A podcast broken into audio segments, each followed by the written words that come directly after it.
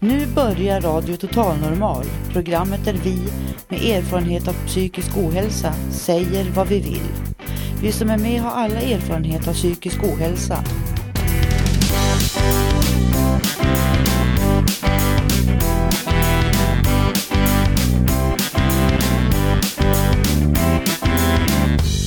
Du lyssnar på Radio Total Normal 101,1. Totalt normalt. Radio Total Normal torsdagar från två till halv fyra.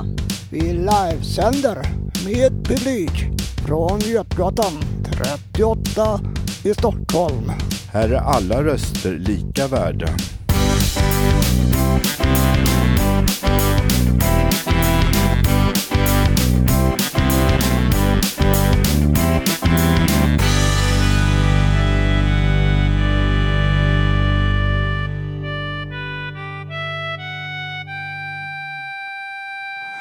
Hej och hjärtligt välkomna till Radio Total Normal. Vi vill minska fördomar mot en utstött grupp i samhället som har diagnosen psykisk och social ohälsa.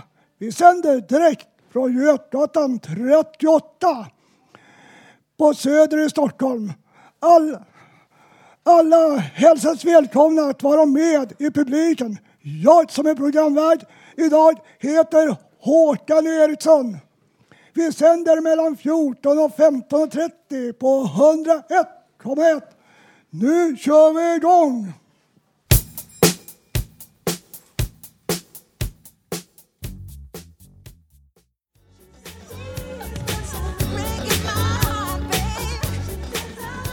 Ja, nu är något utav dagens program. Vi kommer få höra om Stockholm. Vi kommer höra dikter. Och Janne har som vanligt varit ute på stan och varit frågvis. Och jag kommer själv prata om grupparboende. Men först ut så har jag Hasse Kvinto som jag ger ordet till nu. Varsågod Hasse. Tack. Stockholm i våra hjärtan. När jag var 18 år 1974 kom jag i kontakt med Per-Anders Fogelströms böcker Stadserien. Jag läste Mina drömmars stad, Barn av sin stad, Min studentstad, I en förvandlad stad och Stad i världen. De handlar om eh, människors liv från 1860 till 1968 inom både arbetarklassen och borgarklassen. Jag blev så tagen av dessa böcker att jag började drömma om att skriva en sång om Stockholm. 1989 förverkligades den drömmen och den kom att heta Stockholm i våra hjärtan. Och den blev populär på spelställen som Ängelen och Mosebacke. Jag spelade in låten också och den spelades i Radio Stockholm. Nu spelas den i Radio Total Normal.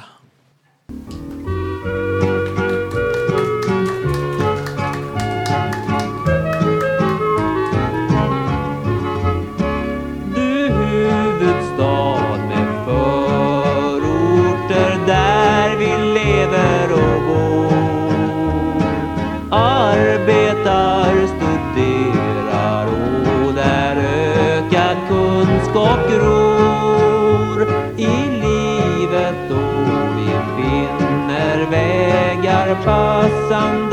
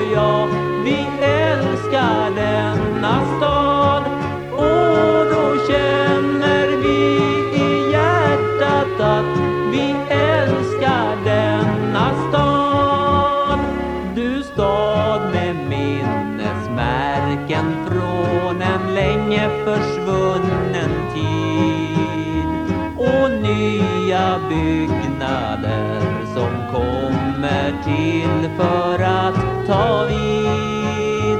Du stad i världen, du förvandlas något varje år. Ändå känner vi att kärlek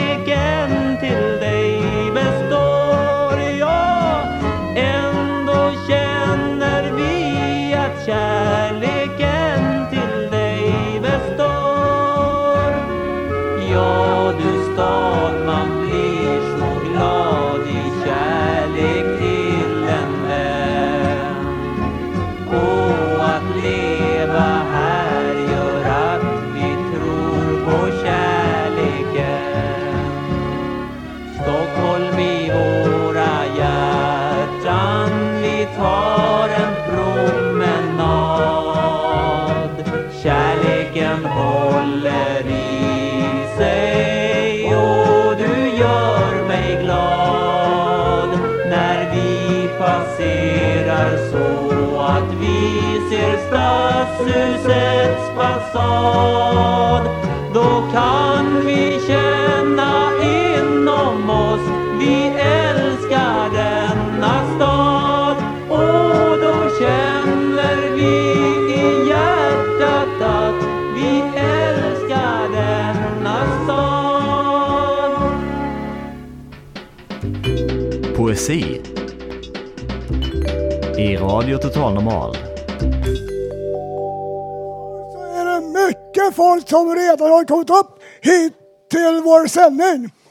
Och nu har jag Rickard Lehmann bredvid mig och han ska läsa en dikt som heter Varifrån? Varsågod Rickard.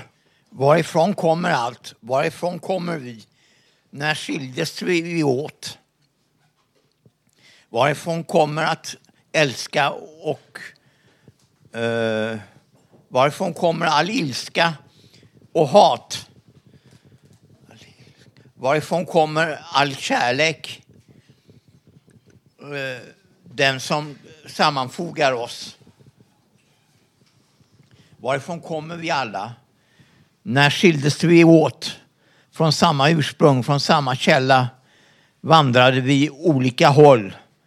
När skildes vi åt av rädsla, av girighet, makt och begär? Och ändå sex miljarder uh, idag kan ändå hålla sams i någon konstig balans. När vandrade vi åt olika håll? När skildes vi åt?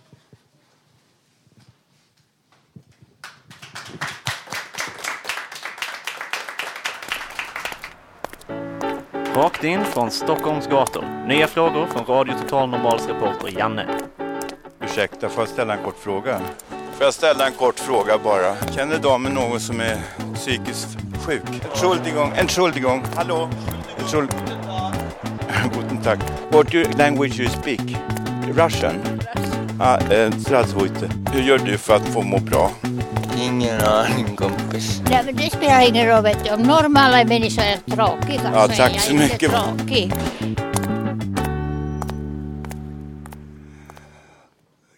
Ja, jingeln så hörde vi då Janne. Nu har han varit ute igen på språng och eh, är nyfiken som vanligt.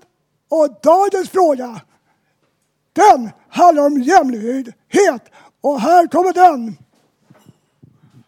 Ursäkta, får jag ställa en kort fråga?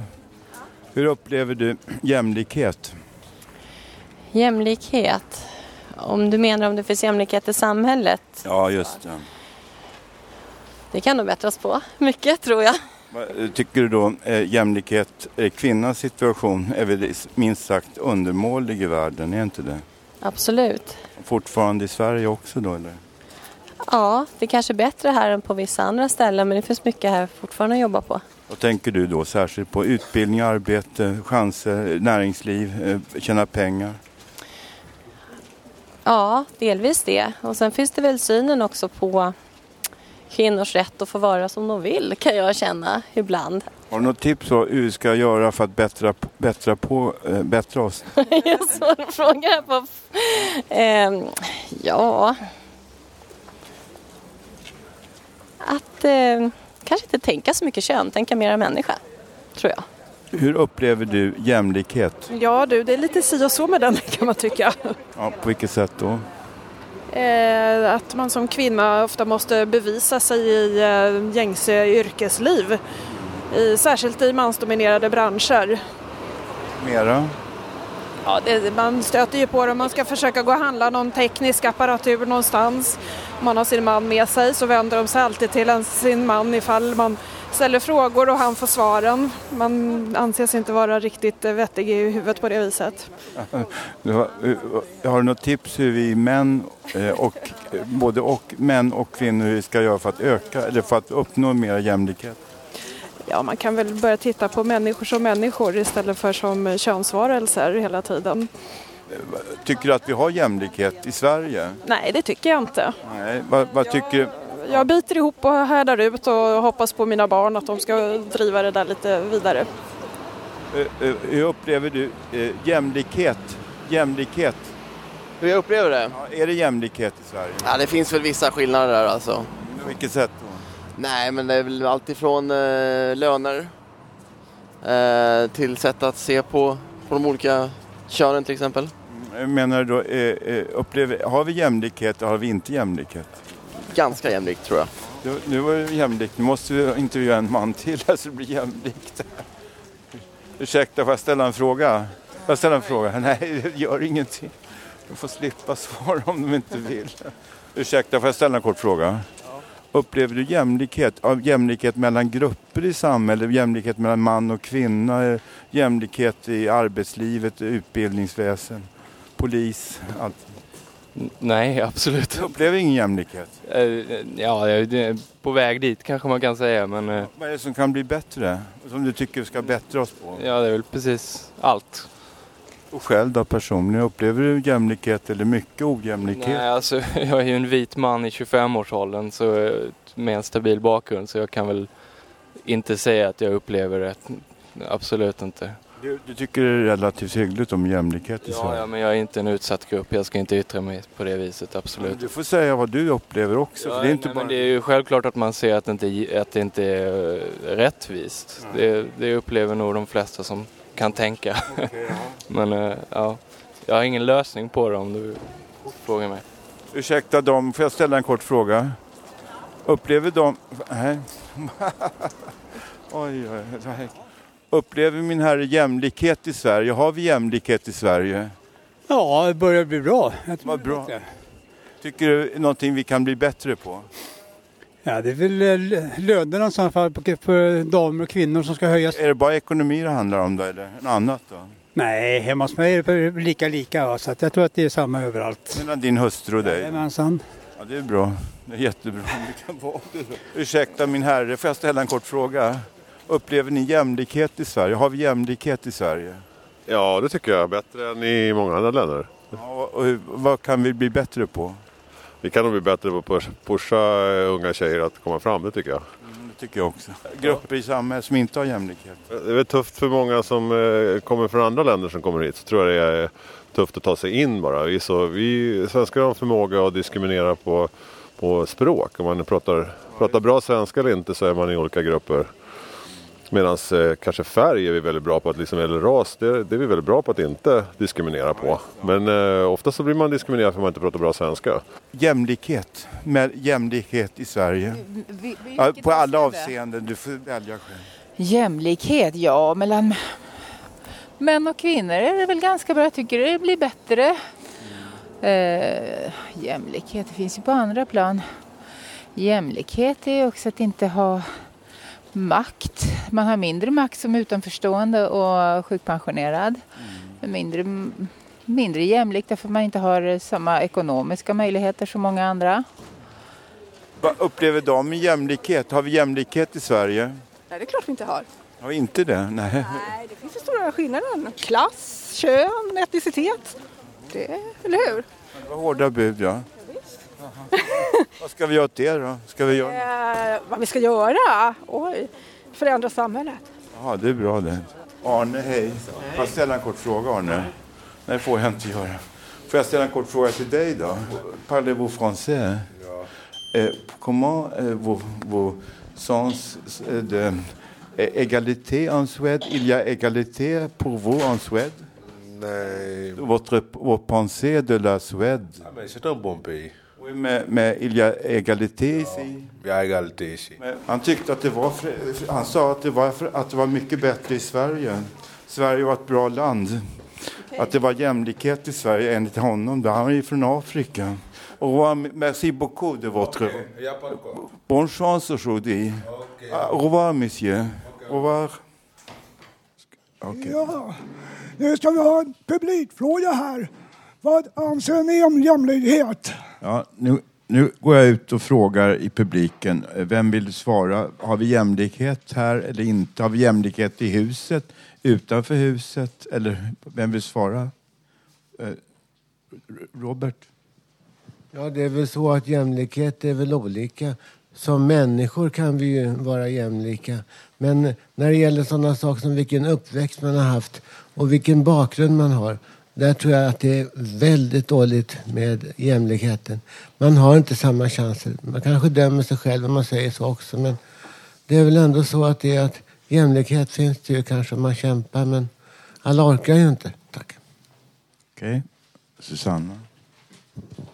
Jo, jag tänkte det här med jämlikhet, det är väldigt intressant. Sverige har sjunkit i jämlikhetsnivån jämfört med Finland till exempel, tror jag, någon annan land. Men eh, det, har, det är självklart bra i Sverige. Men om man till exempel i Frankrike, där får inte kvinnor bära eh, byxor.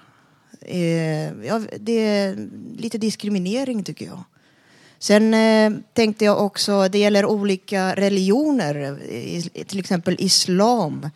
Det är väldigt omdiskuterat det här med hijab eller eh, burka när man har en förklädnad. E, enligt eh, vad heter det, islam så är det för att eh, skydda kvinnan och, och så vidare. Att håret anses vara en, ett smycke som bara ska visas för mannen. Men eh, det är bra om kvinnor också vågar ta mer plats och inte tänka så mycket på vad de gör fel eller, eller inte. Va? Våga vara lite tuffare mot karlar. Tack. Någon mer som säger någonting? Någon mer? Vill du säga någonting? Ebba? Nej, nej, det är bra sagt av Susanna. Jättebra. Burka och skydda sig, kvinnor. Men det ligger något i det där med att inte visa upp sig för att männen har andra anlag. Tack för det. Jag kan säga så här att jag tycker det är att är man kvinna och har psykisk ohälsa så blir man ju på något sätt på en lägre nivå än andra. Man nedvärderas. Och det, det går igen i psykiatrin, det går igen på arbetsmarknaden, det går igen inom socialtjänsten. Och det tycker jag är väldigt jobbigt. Jag vet inte hur man ska kunna ta sig ut. Det, det är någon, alltså som en tvångströja det där. Man blir inte respekterad som mamma. Man har psykisk ohälsa, man får, eh, kan bli fråntagen sitt barn och inte få träffa det eller under övervakning. Och det tycker jag vi borde ändra på. Okej, självklart. Håkan igen. Ja, jag har den uppfattningen att om man till exempel äm, jämför oss med andra som kanske inte blir det är lite om man tar hand om varandra istället så tror jag man får mera jämförlighet med varandra också. Hit bort, längre bort i publiken. Eh, Okej, nu hörs. Hallå? Okej. Hej, hallå, hör ni mig?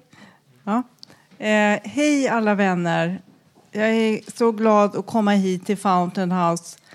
Eh, och för att jag är konstnär och poet och gärna vill läsa en dikt som jag skrev igår. Den är väldigt kort. Eh, och det är alltså som jag känner så här utanförskapet som vi just pratar om. Jag tänkte det kunde pass, passa, passa. Kurs för de ensamma heter den. Finns någon kurs för de ensamma är min fråga för dagen. Någonting för de som ingen har. De som inget har. Finns det någon sån kurs för de som är helt utanför? Där inget finns kvar mer än hoppet. Tack.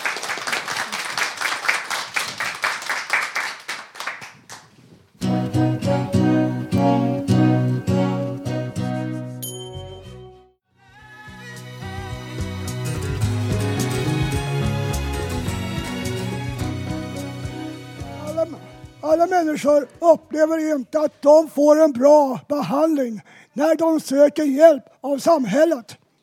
Då särskilt när det gäller socialtjänsten.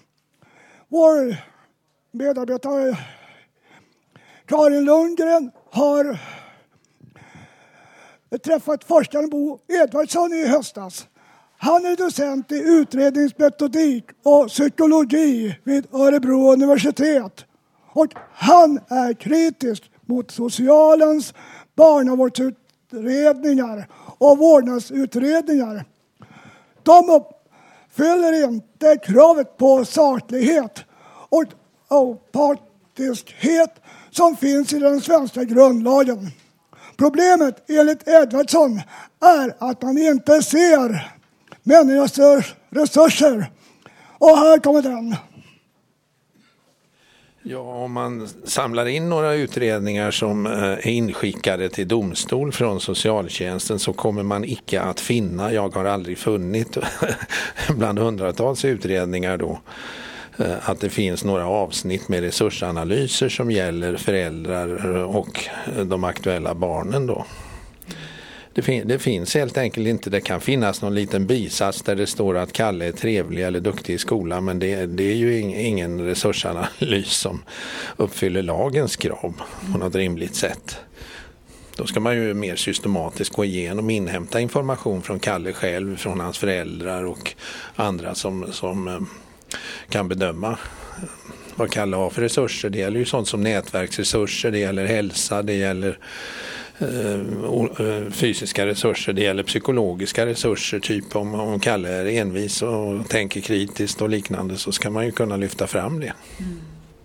Det här i socialtjänsten har du varit väldigt kritisk emot. Du, du säger att det finns ingen objektivitet. Är det subjektiva bedömningar som styr då? Ja, det, det, kan man ju säga att man matar in en hel del subjektivitet och en väldigt populär teknik det är ju den här um, tycka, tro, eh, känna, uppleva intrycktekniken. Där man säger sig uppleva att föräldern är sån eller man säger sig känna att Kalle är sån eller liknande. Och sen kan man inte redovisa någon saklig grund runt detta. Och det är ju en sammanblandning av utredaren med den som utreds. Om utredaren känner på ett visst sätt eller upplever på ett visst sätt så är ju det ett subjektiv omständighet hos utredaren. Det har ju ingenting med lille Kalle att göra eller med Kalles föräldrar att göra eller så. En, total, en total förvirring alltså i själva logiken i utredningarna och det här är mycket vanligt, just termen oro. Vi känner oro för Kalle, säger både anmälare ofta och även socialtjänsten skriver i sina papper om det här oron. Och var finns oron? Ja, den finns ju inte hos Kalle som en saklig omständighet utan den finns ju som en känsla då hos anmälare eller hos socialtjänstens utredare. Och det, det är ju ett sätt att blanda bort korten. Det ska ju inte stå allmänt sval, svammel om hur anmälare och utredare känner sig just då. Men är det så svårt att vara objektiv om man är utredare? Nej, det är inte svårt om man vill. Men det vill man inte. Man vill ha igenom sina grejer, sina idéer, sina hugskott, sina intuitioner. Man vill inte vara objektiv. Det är ju den bistra sanningen om socialtjänstens utredande under alla de 30 år som jag har haft kontakt med den. Men varför blir det så här? Ja, det, det är väl komplicerat. Man, man har inte, inte förstått så att säga vad, man har inte fått lära sig utreda, man har inte, inte fått lära sig vad saklighet är. Man har gått på flumutbildningar och suttit av en massa undervisning, eh, aldrig tenterat ordentligt höll jag på att säga. Det är ju rätt vanligt fenomen idag. Att man, man har sva, helt enkelt svagutbildad personal för väldigt svåra uppgifter. Väldigt svåra bedömningar. Just den enskildes rätt att eh, få tillbakavisa, tillrättalägga eh, felaktigheter och komma med sin Ja, det är ju så här ska man få en korrekt slutbedömning eh, i utredningen, korrekt baserade slutresonemang, då måste ju uppgifterna vara kontrollerade, det vill säga bestyrkta, replikerade och, och på annat sätt prövade innan de används. Innan de används som det, som det går till idag överallt inom socialtjänsten så kör man in uppgifterna oprövade i slutbedömningen. Först därefter skickar man ut utredningen enligt kommunikationsplikten då och ber om eventuella synpunkter och eh, liknande. Och, eh, nu orkar ju inte en del så att säga inge synpunkter. De, de eh, faller ju, de ger upp så att säga när de ser eländet. Mm. Och eh, de som skickar in synpunkter får ju de oftast inte införda. I så, I så fall kommer de in som en bilaga. Och det är ju en fruktansvärt dålig praxis och man ändrar ju inte i sina slutbedömningar även om man har gjort aldrig så mycket fel. Jag har sett klienter som skickat in 10 sidor fel, 100 felpunkter. Sker det någon ändring i slutbedömningen? Svar nej. Men de som utsätts för det här då, leder inte det till en enorm frustration? Jo, jag har ju under, under årens lopp, jag brukar säga, jag har blivit uppringd av minst tusen personer, kanske fler som har eh, klagat på eh, de, dels, dels då eh, att det har varit felaktigheter, mängder av fel införda i utredningarna. Dels att man inte har velat rätta till de felen, inte velat ta till sig uppgifter och då, då alltså inte fört in uppgifter överhuvudtaget som de har velat ha med. Va?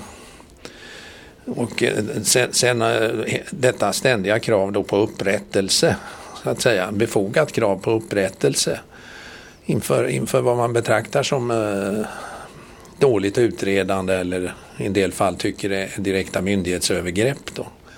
Det vill, man, vill människor ha upprättelse. Det finns ett enormt behov av upprättelse, att få rätt till sist. Man blir, man blir alltså förnedrad, känner sig förnedrad, förödmjukad, irriterad, eh, hatisk till sist. Kanske. Men sen finns det de som inte ringer upp mig förstås. Och det är ju de flesta. Va? De som ger upp. De som rycker på axlarna och inte, inte orkar, orkar säga ifrån. Eller som har, inte har den typ av kontakter med advokater eller andra att de överhuvudtaget eh, känner till vart de skulle vända sig. Sen har vi ju tillsynsmyndigheter över allt detta som sköter, sköter det hela med ett väldigt överseende. Länsstyrelser och andra. Det är ju mer den formella sidan då. Det är mer juridiskt orienterat. De går ju inte så mycket på att innehållet kan vara befängt. Så det är svårt att få rätt även om man klagar till en tillsynsmyndighet? Ja, det är väldigt svårt att få rätt hos tillsynsmyndigheterna och eh, man får ju lätt det intrycket att de håller varandra om ryggen ibland faktiskt. De ligger väldigt lågt och är nästan rädda för att ta itu med saker och ting. Mm. Det, det, det, är svår, svårt alltså. Det, ska, det skulle vara mer, mer kraft så att säga i tillsynsmyndigheterna. Men socialen till exempel som vi pratar om nu, de har ju en oerhörd makt. Eh, de kan ju omhänderta barn om de så vill. Ja, med, med hjälp av domstol då. De föreslår för domstol, men de får ju för det mesta igenom detta. Kanske i 90 procent av fallen eller, eller den storleksordningen i alla fall var det för en del år sedan. Och eh, det, det, det är, är, ju så, socialtjänsten är underkastad svensk grundlag. Det är objektivitetskrav eller saklighetskrav som ligger i första kapitlet, nionde paragrafen, iaktta saklighet och opartiskhet inom offentlig förvaltning. Då. Och de är en offentlig förvaltning. Och denna paragraf lever de inte upp till. Det är väldigt lätt att visa när man får de här eh, utredningarna som då skickas in till domstol, när man föreslår tvångsmässigt omhändertagande. De är konstruerade som övertalningsdokument eller propagandadokument för att övertyga domstolarna om eh, förträffligheten i ett omhändertagande. Då. Jag känner till att det finns människor som har psykisk ohälsa men där den psykiska ohälsan blåses upp väldigt mycket i socialens utredningar. Ja, det, det, är ju, det är ju riktigt att man uppfinner psykisk ohälsa, man uppfinner vårdbehov, man, man skickar folk till terapeuter och annat eller uppmanar dem att besöka terapeuter och sen använder man detta som argument då.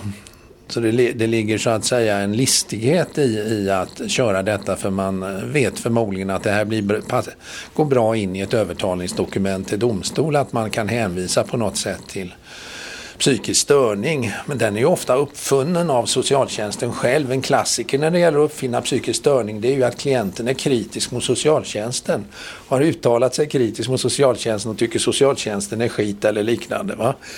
Och då ses det som ett tecken på att klienten är psykiskt störd och om klienten är psykiskt störd då kan ju klienten inte få lov att fortsätta och ta hand om sitt eget barn. Den logiken har jag sett ett antal gånger och det, det är ju makabert. Det är totalt saknar all vetenskaplig grund, saknar all vettig logik. Därför att det troliga är ju att den som är kritisk är bättre på att sköta barnen än den som är okritisk till socialtjänst. Sverige ligger tydligen i topp vad det gäller länder som omhändertar barn. Ja, det har vi gjort länge. Det har ju varit berömda debatter tror jag redan på 80-talet om i Tyskland bland annat om de svenska omhändertagandena. Det, alltså det, det, tror jag i och för sig har att göra med, med då en, kulturell, en kulturell tendens, nämligen den svenska byråkratiska inställningen. Va? Att vi, vi är en av världens eh, vassaste byråkratier, regelryttarnationer då. Och, eh, eh, det, det, är ett byråkratiskt tänkande i det. Man är inte tillräckligt flexibel vad det gäller eh, att använda människors egna och omgivningens resurser. Som jag sa, man struntar konsekvent i resursanalysen i utredningarna. Eh, och det är ju något oerhört egentligen att man gör det. Det är ju en människosyn som är fullständigt barock då, en negativ människosyn. Människor inte skulle ha egna resurser eller att det inte skulle finnas i nätverken runt eh, de familjer eller barn som då, då är aktuella. Vad ska man göra åt det här då? Ska socialen ha sån här stor makt när man missbrukar den? Ja, jag skulle ju vara väldigt eh, glad om man fick eh, någon slags eh, skärpt, skärpt kontroll över det som pågår. Eh, jag, jag, har ju tidigare pratat för det här med granskning, noggrann kvalitetsgranskning av utredningar, åtminstone de som går in till domstol borde ju säkras. Kvalitetssäkring är ju ett fint ord som har florerat mycket borde ju kvalitetssäkras innan domstolen får dem. Därför att domstolarna orkar uppenbarligen inte noga gå igenom de här och, och returnera dem i praktiken aldrig. Eh, då för, på grund av dålig kvalitet utan vad de, vad de i vissa fall gör är ju ett avslag va? men det är ju mycket få fall. Utan använder sig helt enkelt av den dåliga utredningen som den är. Det, det är så, så har jag uppfattat läget. Men det, det, det, borde alltså införas en kvalitetssäkring med det menar jag att det är väldigt lätt att utbilda kompetenta bedömare givet att de har en grundexamen, typ en, en mastersexamen i socialt arbete eller liknande skulle man lätt på några månader kunna utbilda kompetenta granskare som med rödpennan går igenom de här utredningarna innan eh, de kommer in i domstolarna. Ja, ni hörde Bo Edvardsson, eh, eh, docent i utredningsmetodik och psykologi vid universitetet i Örebro. Och eh, det var jag som gjorde den här intervjun med honom då i höstas. Sen, eh, nu ska vi ha en publikdiskussion. Jag befinner mig här i publiken. Eh, är det någon som har någonting att säga, någon som har någon egen erfarenhet av socialen? Det behöver inte vara just när det gäller eh, omhändertagande. Det kan vara även när det gäller ekonomiska eh, bitar eller så. Jag vet inte. Jag tycker väl att jag kanske haft tur, men jag tycker många gånger fått mycket bra hjälp av dem. Om man bara förstår liksom och tar dem som är människor att de liksom inte vill dig något illa så, länge, så långt de orkar. Va? Sen kan det finnas konstig metodik som att liksom försöka väcka en, väcka en människa genom att vara taskig mot dem på något sätt. Det kan ju vara en metodik. Om det funkar så är det bra naturligtvis. Många gånger kan de ju vara taskiga mot folk och det har ingen annan effekt än att folk blir ledsna. Det är klart att då är det tråkigt.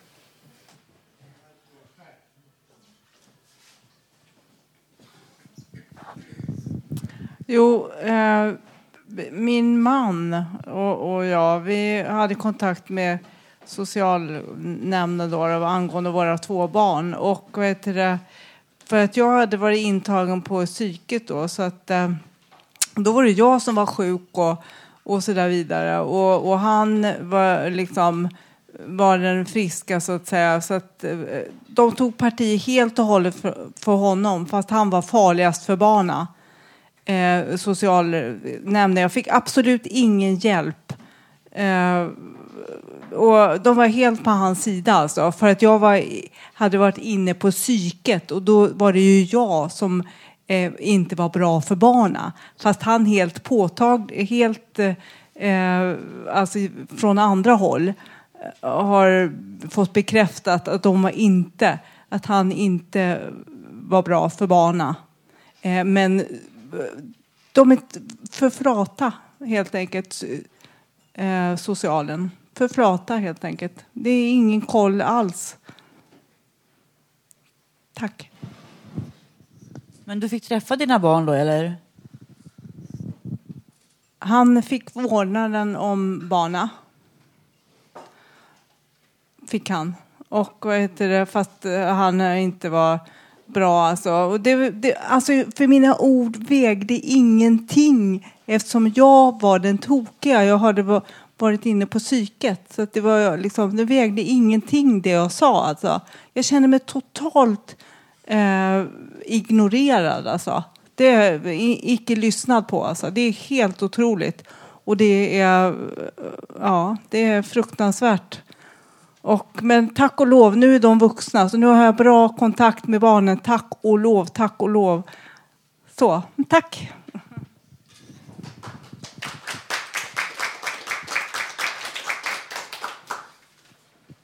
Här har vi Susanna.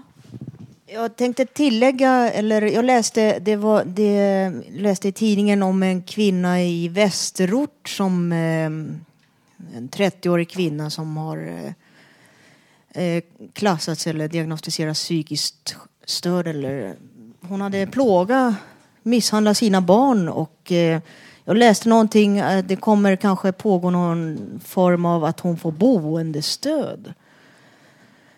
Jag vet inte exakt om hur, jag antar, det är bara spekulationer men att barnen bor med henne eller jag vet, jag vet inte, jag kanske uttalar mig lite men men eh, det borde ju finnas sådana möjligheter också om man har barn. Liksom. Att boendestödet eh, griper in och ser till helhetssituationen istället för att bli omhändertagen på något sätt. Så att, eh, men jag själv har haft socialbidrag 15 år sedan. Då fick jag gå till kontoret en gång i månaden och lämna sjukintyg. Det var då jag blev sjukskriven. Jag hade ingen a-kassa och varje månad visa upp intyg. Men det är väldigt, om man ska ha socialbidrag, det är, det är väldigt granskning också av eh, ekonomin och vad heter det, konto, allt möjligt. Vä väldigt noggrann granskning. Man får inte ha någon förmögenhet alls. Ingen bostadsrätt, ingenting. Typ. Tack. Jag kan ju knyta an till det du sa tidigare här, eh, den här kvinnan med sina barn. Att det är uppe ett fall i JO nu där Pia Degermark som är känd skådespelare från Elvira Madigan. Hon förlorade sitt barn för, eh, jag tror det var tio år sedan. Eh, och hon har varit drogfri i nio år men har ännu inte fått tillbaka vårdnaden om sina barn. Eller sitt, sin son, då, sin nu 14-årige son. Så det är uppe på prövning i JO. Här, Janne. Ja, jag har upplevt mycket samhällets klåfingrighet men ofta får jag inte den hjälp som jag själv vill ha av samhället och socialtjänst om man har behövt gå dit någon gång enstaka gång för tandvård. Och dessutom, vi som äter läkemedel har ofta dåliga tänder på grund av muntorrhet och så vidare på nätterna och det är lite svårt att göra någonting åt. Och jag anser att politiker, ni som är politiker, ska ta ert ansvar att se till att vi som har de här problemen, att vi får hjälp med tandvård, att vi får reducerad tandvårdsavgift. Vi måste ju också ha tänder att tugga maten med. Och jag fattar inte hur ni resonerar. Nu ska ni ta bort massa ersättningar från folk. Och vad ska folk leva av? Ska vi ha ett fattig-Sverige? Ska det bli vad, vad menar ni med allt det här tokerierna? Det är, inte, det är ni som är sinnessjuka. Tack. Håkan? Jo, jag tänker på det som det stod om de här ungdomarna i Vellinge, Vellinge som myndigheterna och de som eh, bodde där inte ville ta emot dem. De skulle skickas tillbaks dit de kom för att bli krigsbarn och allting. Jag anser att det inte är någon värdig människobehandling. Så behandlar man inte barn. Så tack så mycket. Då får vi ta och avsluta den här debatten. Tack så mycket allihop.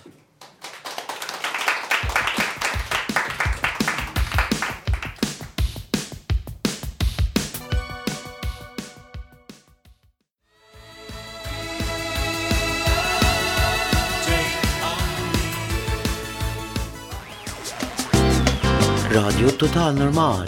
Osensurerad, direktsänd radioshow av psykiskt starka och sköra människor.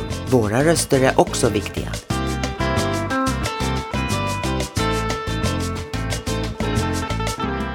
Radio Total Normal. Hallå? Hallå, hallå, hörs det här? Ja, då var det min tur efter den här debatten. Och jag har läst dikter och spelat musik förut. Och nu är det så att jag har i flyttstädning hittat eh, gamla, jag kallar det skrivelse. Jag har varit läst bort ifrån oro i Stockholm, Stockholm, kom till Norrland. Och vad ska jag kalla det för? Bildfantasi. Och det är från 21 februari 2003. Jag har läst dikter av Harriet Löwenhjelm och Egil Malmsten. Den blev så här blev det, fast det är oredigerat och det kan bli bättre om man trycker på datorn. Det börjar så här. Jag vet inte vad. Det kommer från ovan. Filmen fladdrar från fjällhögarna här uppe ner till mina varma vattenbäckar här nere. En neger gick ut på vägen för att gå till vattenplatsen där man hämtar sin dryck under varma dagen. Bredvid knallade en liten gosse helt lugnt. Jag sitter vid eldstaden i lågornas sken där den flammande brasan lever i biblioteket. Det doftar rosor och blommor från en jasmin som står i fönstret. Närheten till denna sunda läkande atmosfär får mig att slappna av bekymren och bara vara skönt lugn. Kom min kära, var du än är och var med mig.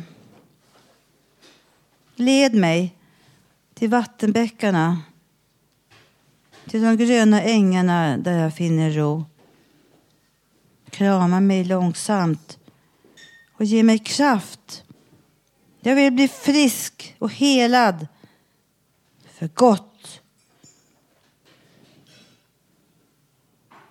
Ljusa, livade, livsbejakande, positiva passioner leda framåt, uppåt till resultat. Producera fröer och fredsmarken.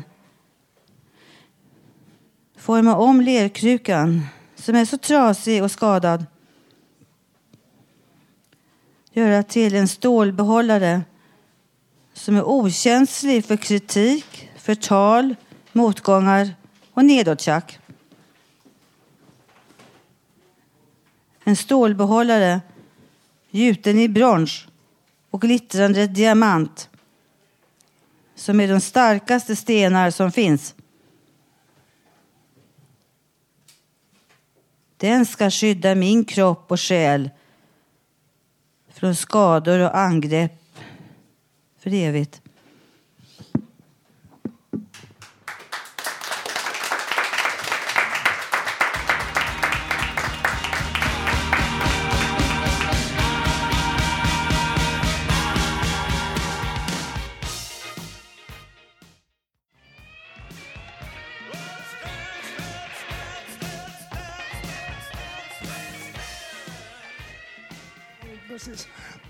Ja.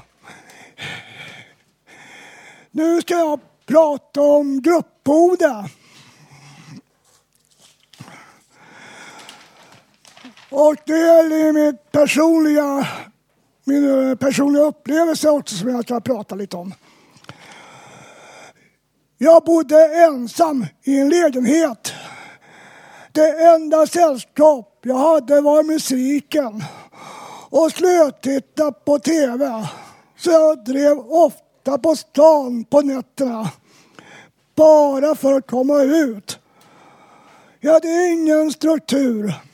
Jag har tur att ha fått ett ideellt jobb jag skulle blivit av med om jag kom och gick som jag ville. Många som är i samma situation tar till olika droger och det tar psykiskt på psykiskt till slut. Så jag beslutade att göra något åt mitt liv. Jag har haft hjälp av flera som ville att jag skulle bo på vårdhem där jag blev medicinerad. Jag vägrade att bli tablettberoende så jag har flyttat till ett gruppboende där jag trivs. Det är en underbar personal som stöttar mig i allt och jag har nu fått struktur så jag har blivit en ny människa. Det finns fördomar om varför man flyttar dit. De ska jag ta och prata om ett senare tillfälle. Men nu så ska jag presentera Robert N som kommer läsa en dikt för oss. Jag ska, Varsågod Robert. ja, jag ska läsa en sångtext som jag har skrivit. Det finns ingen melodi till, men det får ta texten då. Vad är då fåfängt mål, en ensam människas strid? Vad är väl löfte om en framtid där du är mäktigast av allt? Vad är väl en framtid utan halt, salt och dalt? Vad är väl en framtid utan pitepalt? Ja, alla strupar ropa trimmade morötter åt folket. Ja, alla människor hoppas trimmad palt åt alla. Ja, alla strupar ropa trimmade köttbollar åt folket. Ja, trimmad krubb åt folket. Uppborrade köttbullar åt alla. Ja, schysst kotlett och vässad filé och rabarberknopp som inte får någon stopp. Vässad kotletter åt folket, åt folket, ja åt folket. Vässade kotletter åt folket. Vässade kotletter åt folket. Vad är väl framtids slut? Var slutar den utan prut? Var vill ni alla sluta? Ja, var vill vi alla sluta? Ja, i vilken ruta? Vad är hoppets slut? När slutar väl en törstande strupe att be om saft? Var är människors slut? Var slutar du? I vilket gatuhål? Var slutar ni? Var slutar ni? Ja, var slutar ni? Vad hoppas människor på? Ja, hå, hå, hå. Var slopp slutar vi väl då? Ja, alla löften, tusentals år av strid. Var är löftet slut? Vad är det sista man tänker på? Ja, hå, hå, hå. Trimmade morötter åt folket. Trimmade morötter åt folket. Ja, trimmade morötter åt folket. Vässad kotlett åt folket. Ja, vässad kotlett åt folket. Ja, fan va, vässad kotlett åt folket. Vad är väl då ett fåfängt mål, en ensam människas strid? Vad är väl en löfte om en framtid där du är viktigast av allt? Vad är väl en framtids slut utan halt, salt och dalt. Vad är väl en framtid utan bitepalt? Alla strupar ropa trimmade morötter åt folke, åt folke. Ja, alla människor hoppas trimmad krubb åt, krubb åt alla. Ja, alla strupar ropa justerade köttbullar åt folke. Uppborrade köttbullar åt alla. Ja, justerat krubb och vässad filé. Rabarberknopp som inte får någon stopp. Vässad krubb åt folke. Åt folke, ja åt folke. Jag vässad krubb åt folke. Jag trimmade kotletter åt folke. Tack. Slut.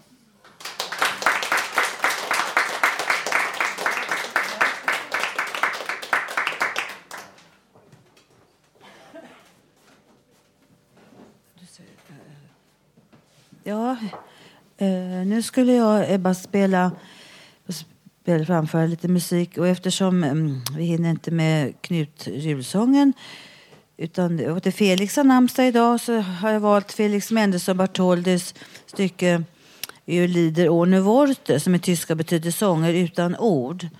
Det är Venetians, Venetianische Skondolit nummer sex.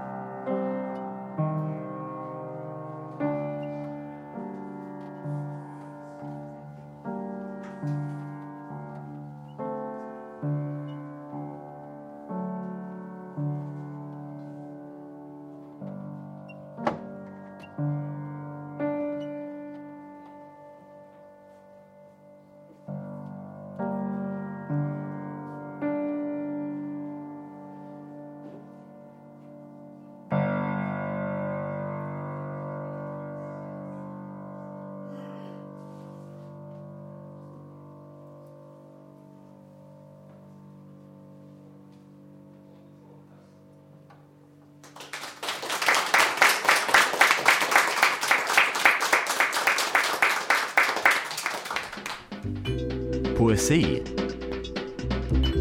i Radio Total Normal.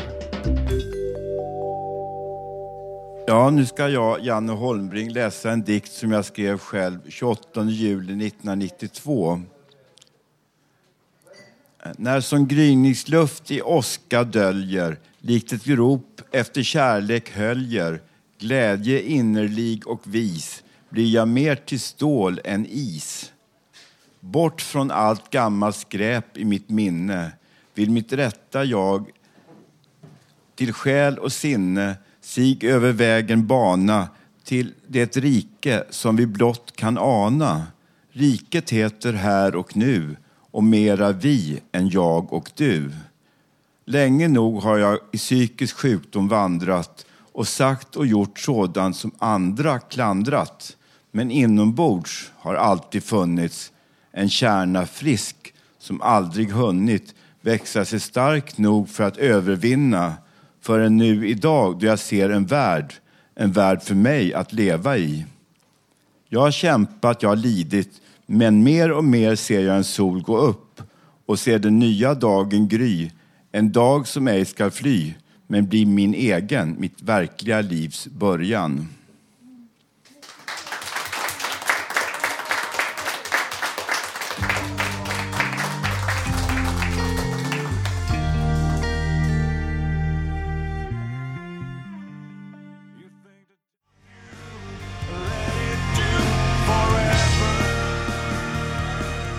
Ja, vargar är ett djur som folk har en stor åsikt om. Och efter att regeringen bestämt att ett 20-tal vargar nu fått skjutas har debatten blossat upp igen.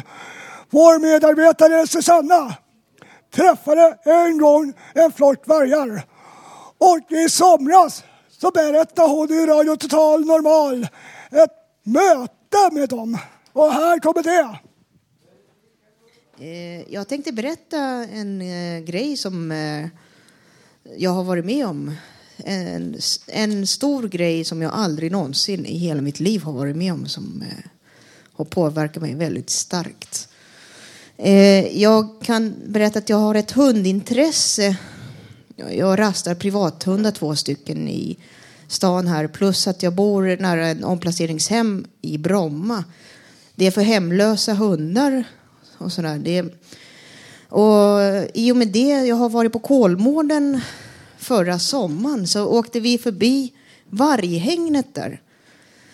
Då tänkte jag att det var spännande att kolla. För jag har hört talas om att man kan träffa olika djur på sådana här vilda möten på Kolmården. Jag tror delfiner kan man träffa och sen eh, vargar. Så jag tänkte på månader ska jag boka tid eller jag var nyfiken men jag var väldigt rädd. Men eh, rädslan lades efter ett tag och jag bokade tid. Det tog fyra, av ett par månader, fyra eller någonting att få in en tid och komma dit. Eh, jag åkte dit i november förra året med en kompis. En lugn polare. Jag tänkte jag vill inte ha någon stirrig person eller någon en lugn kompis som körde bilen så jag kunde koppla av. Så vi var 15 personer som samlades i Kolmården innan vi gick in i varghägnet. De har tre olika varghägn i Kolmården. Eh, jag fick inte välja själv när jag bokade platsen där då. då. Sen eh, de som jag träff, vi träffade, de var mellan tre och fem år. De här varghanarna. Vi fick restriktioner om, och, och, eh, även i telefon när jag ringde. Och inte ha skinnjacka eller skinnkläder, ingen mocka, ingen päls, ingen hundgodis i fickorna. Och jag är ju närsynt, så jag kom dit med glasögon. Så sa djurvårdaren samma sak som jag sa nyss om restriktioner. Sen eh, glasögonen sa han det är bäst att ta av dig glajjorna innan vi går in här. Ja, okej då. Ja, jag la ner dem i fickan. Och vi skulle sätta oss på huk, dela in oss i två grupper för att liksom, jag vet inte, kommer inte ihåg varför. De ska inte känna sig hotade om vi är i överläge. Vi är ju längre än vargar. Ja, vi satte oss på huk. Då kom de där. Och jag tänkte, jag kände mig rätt trygg för vi var, satt, stod på en rad så här.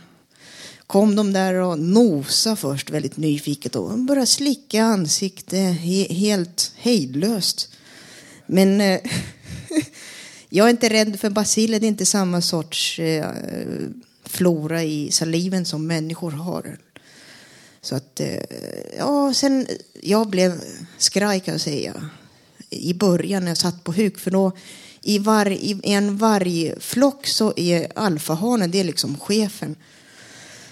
Eh, det är tydlig rangordning och kroppsspråk. De är liksom morra för att visa varandra sin plats.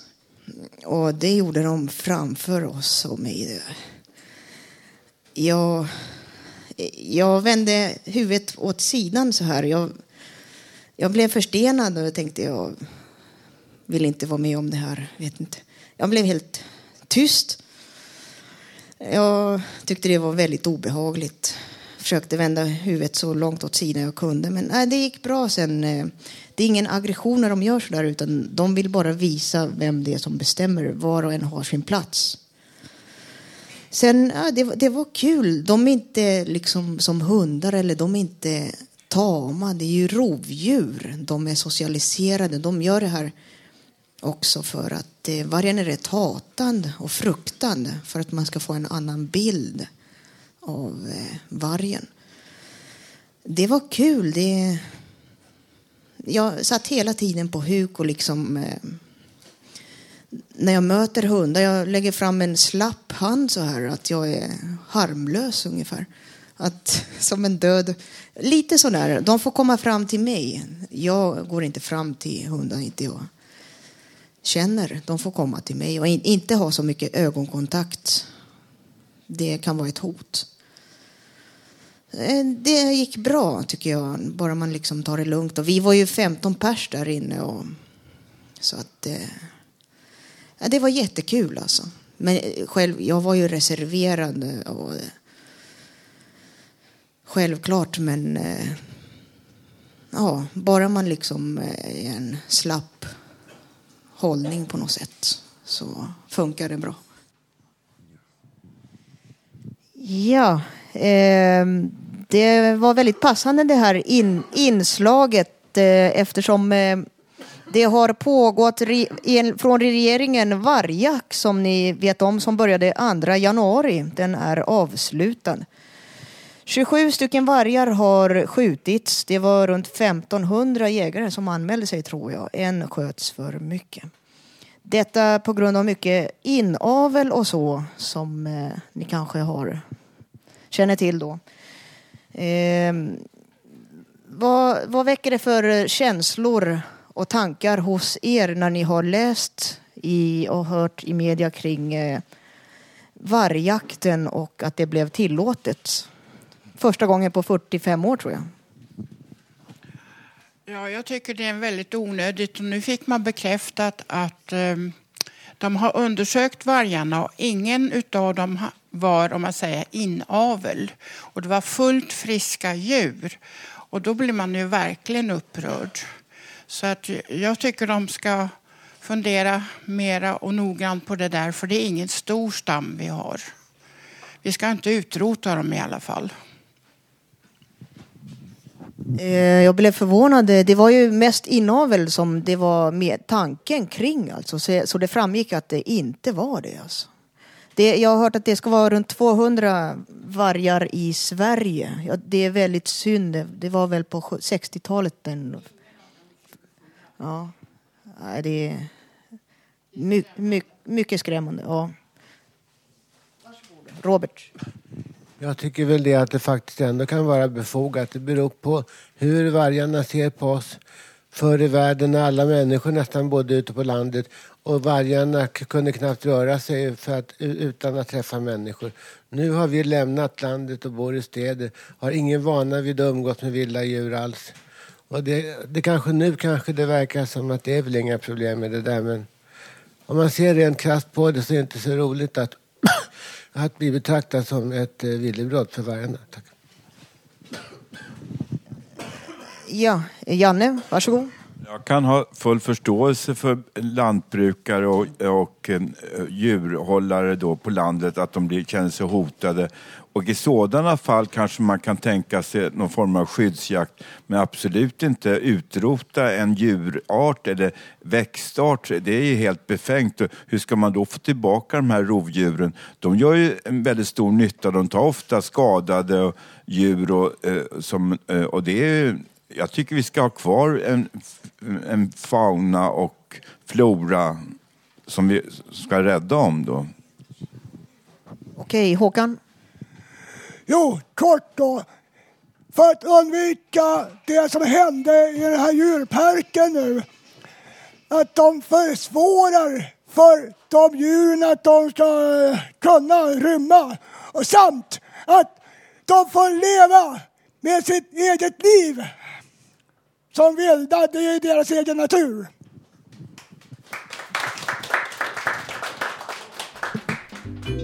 Poesi i Radio Total Normal. Nu lämnar jag ordet till Ulf Torell som ska läsa en dikt för oss sist i Radio Total Normal. Det var sommartid sedan, ja, 2009. Lucia, jul, nyår var vinter. Jag är 56. Juni, jul var sommar. Solsken. Och bor i Hammarbyhöjden. Idag tisdag, no- december. Förra året var 2008. Nu i januari. Ett fartyg jag reste sista 1970 jag var på. Båten kom till engelska Dockkanalen. Precis av sjöns Atlanten, Panamakanalen. Jag var på en Sydamerika, Hamburg, Tyskland, Antwerpen, Belgien. Jag arbetade på Vikenlinjen i Finland i år 2010, men nästa år i februari. Men nästa månad i februari. Ja, antagligen fyller 28. Igår var måndag. Kanske imorgon onsdag, och tisdag 5 januari.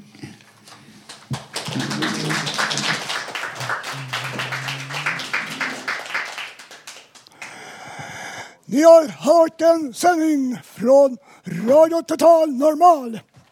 I dagens sändning så har vi prat, hört om Bo, kritik från Bo Edvardsson angående socialtjänsten.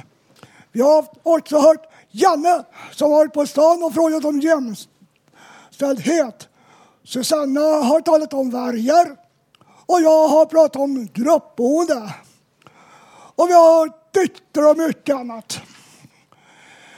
Vi, ni kan höra oss på nytt på www.radiototal.se och er så att, i efterhand, och er så att ni vill vara med i ett inslag så mejla in till oss då på info snabel-a radiototalnormal.se Och vi som har jobbat idag är Gustav Sundén, ljudtekniker.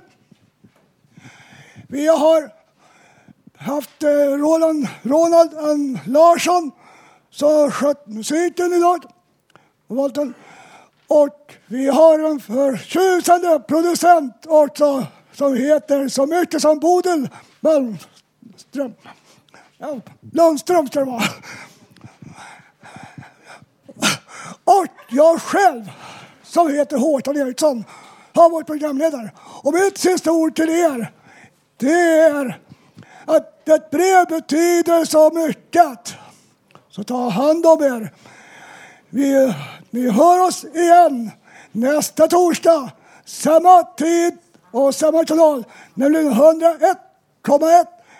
Eller varför inte komma upp till oss här på Radio Total Normal på Götgatan 38. Tack för mig!